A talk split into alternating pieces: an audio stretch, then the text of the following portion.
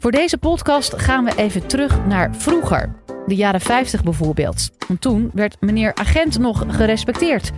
Ambulancepersoneel werd nog niet in elkaar geslagen en de groenteman die kwam nog gewoon bij je thuis. Maar was vroeger inderdaad ook echt alles beter? Socioloog Bart Herikhuizen van de Universiteit van Amsterdam geeft het antwoord in deze podcast. Live vanuit Club Air is dit de Universiteit van Nederland. Vroeger was alles beter, dat hoor je nog wel eens verkondigen. En dan vraag ik altijd, wat bedoel je met vroeger? En dan blijkt heel vaak dat de mensen die dat zeggen, die bedoelen eigenlijk de jaren 50. De jaren 50, dat was zo'n mooie tijd.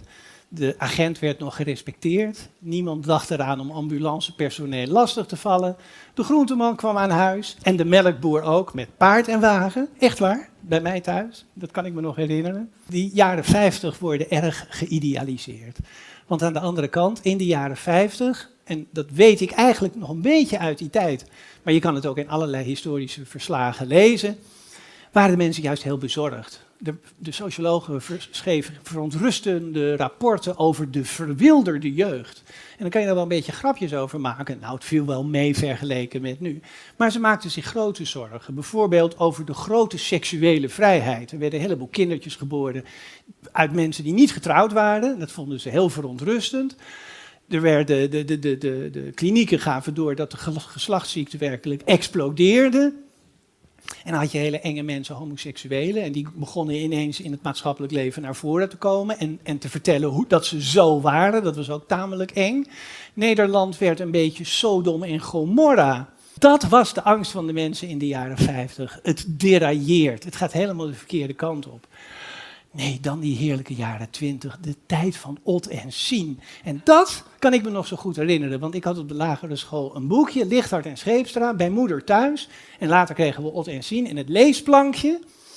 Ik ken het nog helemaal uit mijn hoofd, zal ik het even laten horen? Je hoort niet bij de om naar aapnoot, mies, wim, zus, jij, teunvuur, gijs, lam, kees, bok, hokduif, schapen.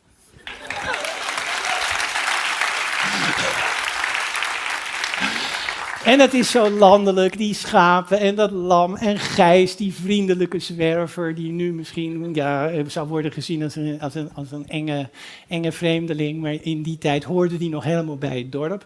De tijd van Ot en Sien, de jaren twintig. Wat verlangden ze daarnaar terug in de jaren vijftig? Maar ja, in de jaren twintig dat is helemaal geen leuke tijd. Dat is de Eerste Wereldoorlog. Dat is de tijd van de loopgraven. Men verlangde naar de vooroorlogse situatie. Men verlangde naar de 19e eeuw, naar Hildebrand, naar het verguldpartijtje. Toen, toen de wereld nog veilig en, en vertrouwd was. Nou zou je kunnen zeggen, nou dat gaat een lang college worden. Want straks dan zitten we helemaal 18e eeuw, 17e eeuw, 16e eeuw. Maar dat is niet zo. Het is natuurlijk wel zo, mensen hebben natuurlijk heel vaak de neiging om te zeggen, vroeger was alles beter. Maar dit specifieke gevoel van er gebeurt nu iets en dat is zo verontrustend. Waar gaat het heen met deze wereld? Dat hoort bij de moderniteit. Dat hoort bij de, bij de geïndustrialiseerde wereld, de wereld van na de Franse Revolutie. Dat specifieke gevoel, dat komt eigenlijk op in het begin van de 19e eeuw. Dan zie je dat in de schilderkunst en je ziet het in de, in de muziek zelfs, in de, de, de, de zesde van Beethoven, de pastorale, de, de vrolijke gevoelens wanneer je op het platteland komt en die eerlijke boerenbevolking ziet. dat, dat idee van die mensen zijn nog puur en zuiver en die zijn eerlijk en die houden van elkaar en die letten op elkaar. En wij in de grote stad, je kan dood op de hoek in elkaar zakken en niemand die het merkt. Die angst, die maakte zich meester van de mensen in de tijd van de industrialisering de spoorwegen, de aanleg van de treinen, het graven van al die kanalen, die snelle wegen die worden aangelegd, nieuwe middelen van communicatie, de telegraafpalen die dan weer langs die spoorwegen konden worden aangelegd, die grote rokende fabrieken rond de steden, waar een heel nieuw soort mensen naartoe trok, die, die arbeiders, wat Marx noemde de proletariërs, die, die je daar in grote stoeten ochtends naar heen zag schokken. Wat gebeurt er allemaal? De stad die zich ineens enorm gaat uitbreiden. Want al die arbeiders moeten toch een huisje hebben. Die revolutiebouw, die buitenwijken waar Charles Dickens over geschreven heeft, maar die je ook aan de randen van de grote steden in Nederland had. Mensen maakten zich enorme zorgen. Wat is er aan de hand? In wat voor transformatie zitten we? En dan ze gaan ook niet meer naar de kerk. Die arbeiders in de fabriek, die zul je niet snel in de kerk aantreffen. Geloofsafval, secularisering, ontkerkelijking. Het gaat mis met de samenleving. Dat is het klimaat waarin de eersten die ja, toch een beetje de voorlopers zijn van de moderne sociologie, begonnen na te denken over de grote sociale veranderingen. De eerste echte socioloog, Emile Durkheim. Emile Durkheim, die benoemd werd aan de Sorbonne in Parijs als hoogleraar in de sociologie in 1913 en voor wie ik een enorme eerbied heb. Ik, dat, nou ja, ik ben toch erg geneigd om te zeggen de grootste socioloog van de 20e eeuw, onze Einstein. En om aan te geven hoe, hoezeer ik die man bewonder, wil ik jullie even iets laten horen. En dan ga ik daar een verhaaltje over vertellen. Je kunt even luisteren naar iets heel bijzonders opgenomen in 1912.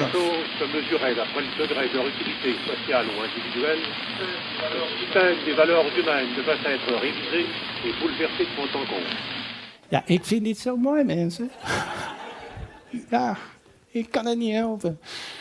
Ik heb het per ongeluk ontdekt. Ik zat uh, dus 17 jaar, 18 jaar geleden was ik in Parijs met mijn zoon Lucas. En toen waren we in zo'n groot audiovisueel centrum van de Bibliothèque Nationale de France. Dat grote gebouw in het zuiden van Parijs. Je kon kijken naar een interview met Sartre en je kon kijken naar een interview met Foucault. Toen zag ik ineens de naam Durkheim. Hè? Durkheim is doodgegaan in 1917. Dus hebben ze toch niet een interview met Durkheim opgenomen in 1917. En ineens komt uit mijn koptelefoon dat geluid wat jullie net hoorden. En naast me zat mijn zoontje Lucas en die zat te luisteren naar Metallica. Die had een hele mooie Metallica-tape gevonden, 14 jaar oud. En die kijkt zo naar me en die zegt, Bart, zit jij te huilen? ja.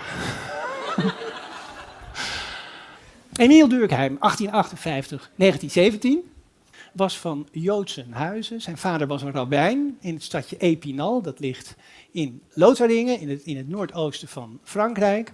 En de bedoeling was dat de kleine Emiel natuurlijk ook rabbijn zou worden, net als zijn voorvaderen. Maar zo is het niet gegaan. Durkheim, zoals zoveel mensen, is van zijn geloof gevallen. Op een gegeven moment kon hij niet meer uh, in God geloven en dan kan je ook niet meer een rabbijn worden. Hij heeft uh, uh, Epinal verlaten, er hele, allerlei omzwervingen gemaakt, studiereis door Duitsland. Uiteindelijk is hij als hoogleraar benoemd, eerst aan de universiteit in Bordeaux, later is hij de top hoogleraar geworden in Parijs. Emile Durkheim beleefde in zijn eigen biografie, in zijn eigen leven, eigenlijk de ervaring van de moderne mens van het platteland naar de grote stad, van een religieuze gemeenschap naar een omgeving van ongelovige mensen, van de wereld van de synagoge naar de wereld van de universiteit. En dat zie je ook gereflecteerd in zijn werk. En dan met name in het eerste boek, want in dat boek vraagt hij zich precies die dingen af waar ik het net over had. Is onze samenleving bezig een enorme transitie te ondergaan, een gigantische verandering? Betekent dit dat de sociale cohesie minder wordt, dat de mensen minder op elkaar betrokken zijn, minder op elkaar gaan letten.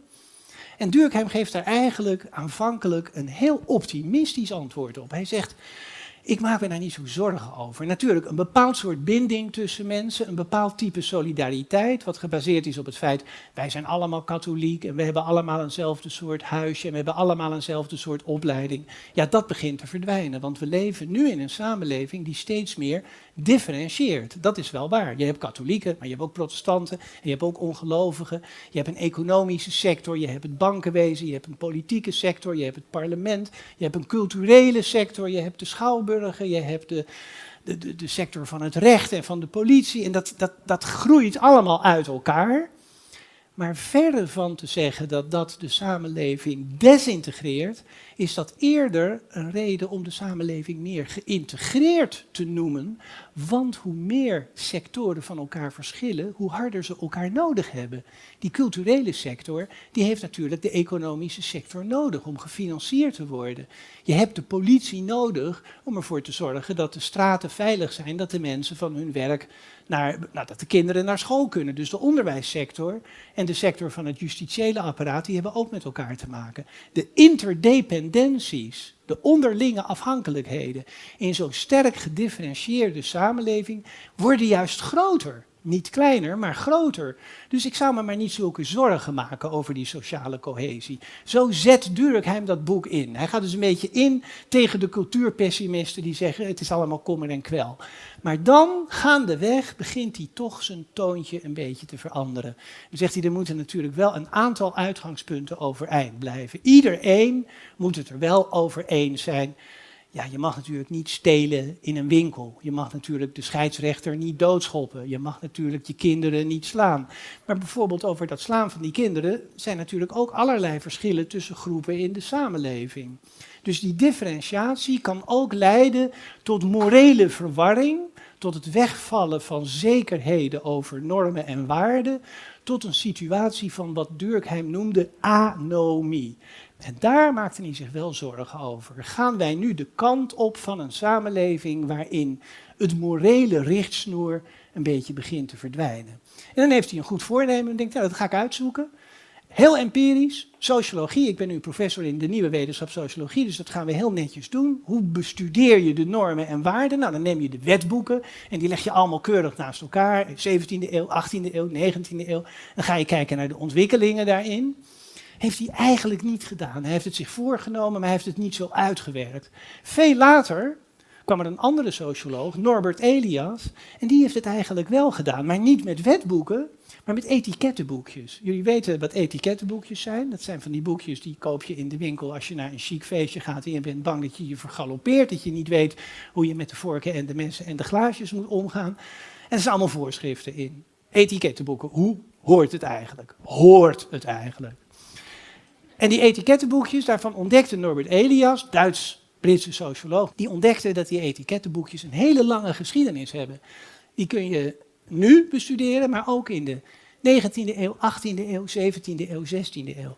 En als je die dan op een rij gaat leggen, dan zie je heel interessante verschuivingen optreden. En dan zie je bijvoorbeeld dat wat aan tafel hoort en netjes is, en waarmee je laat zien dat je weet hoe je je moet gedragen in goed gezelschap, dat dat in de 16e eeuw over heel andere dingen ging dan nu. Wat doe je als je een wind moet laten? Daar gingen die boekjes over.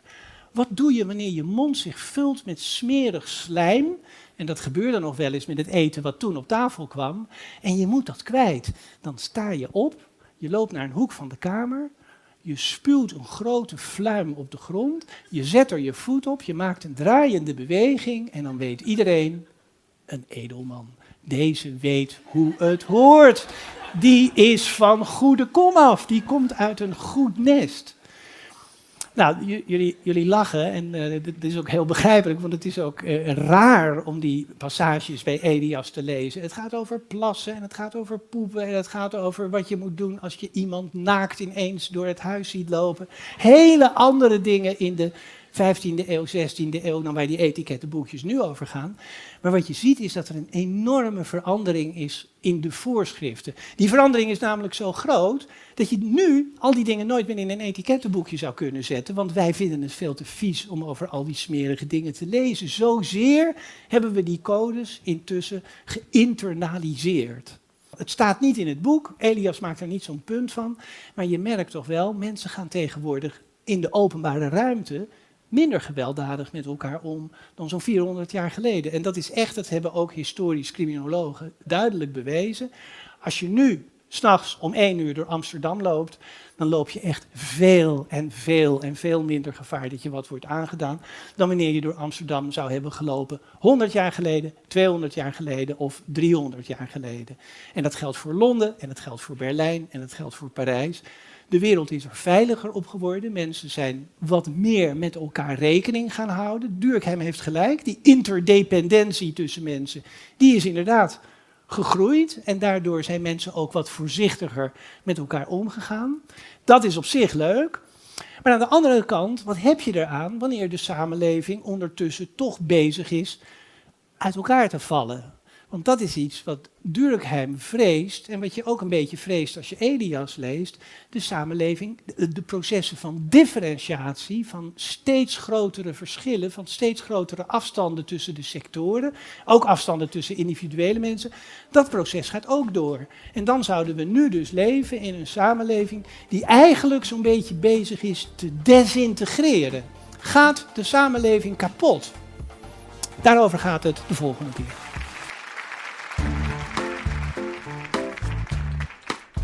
Wil je nou meer afleveringen van de Universiteit van Nederland horen? Check dan de hele playlist en ontdek het antwoord op vele andere vragen.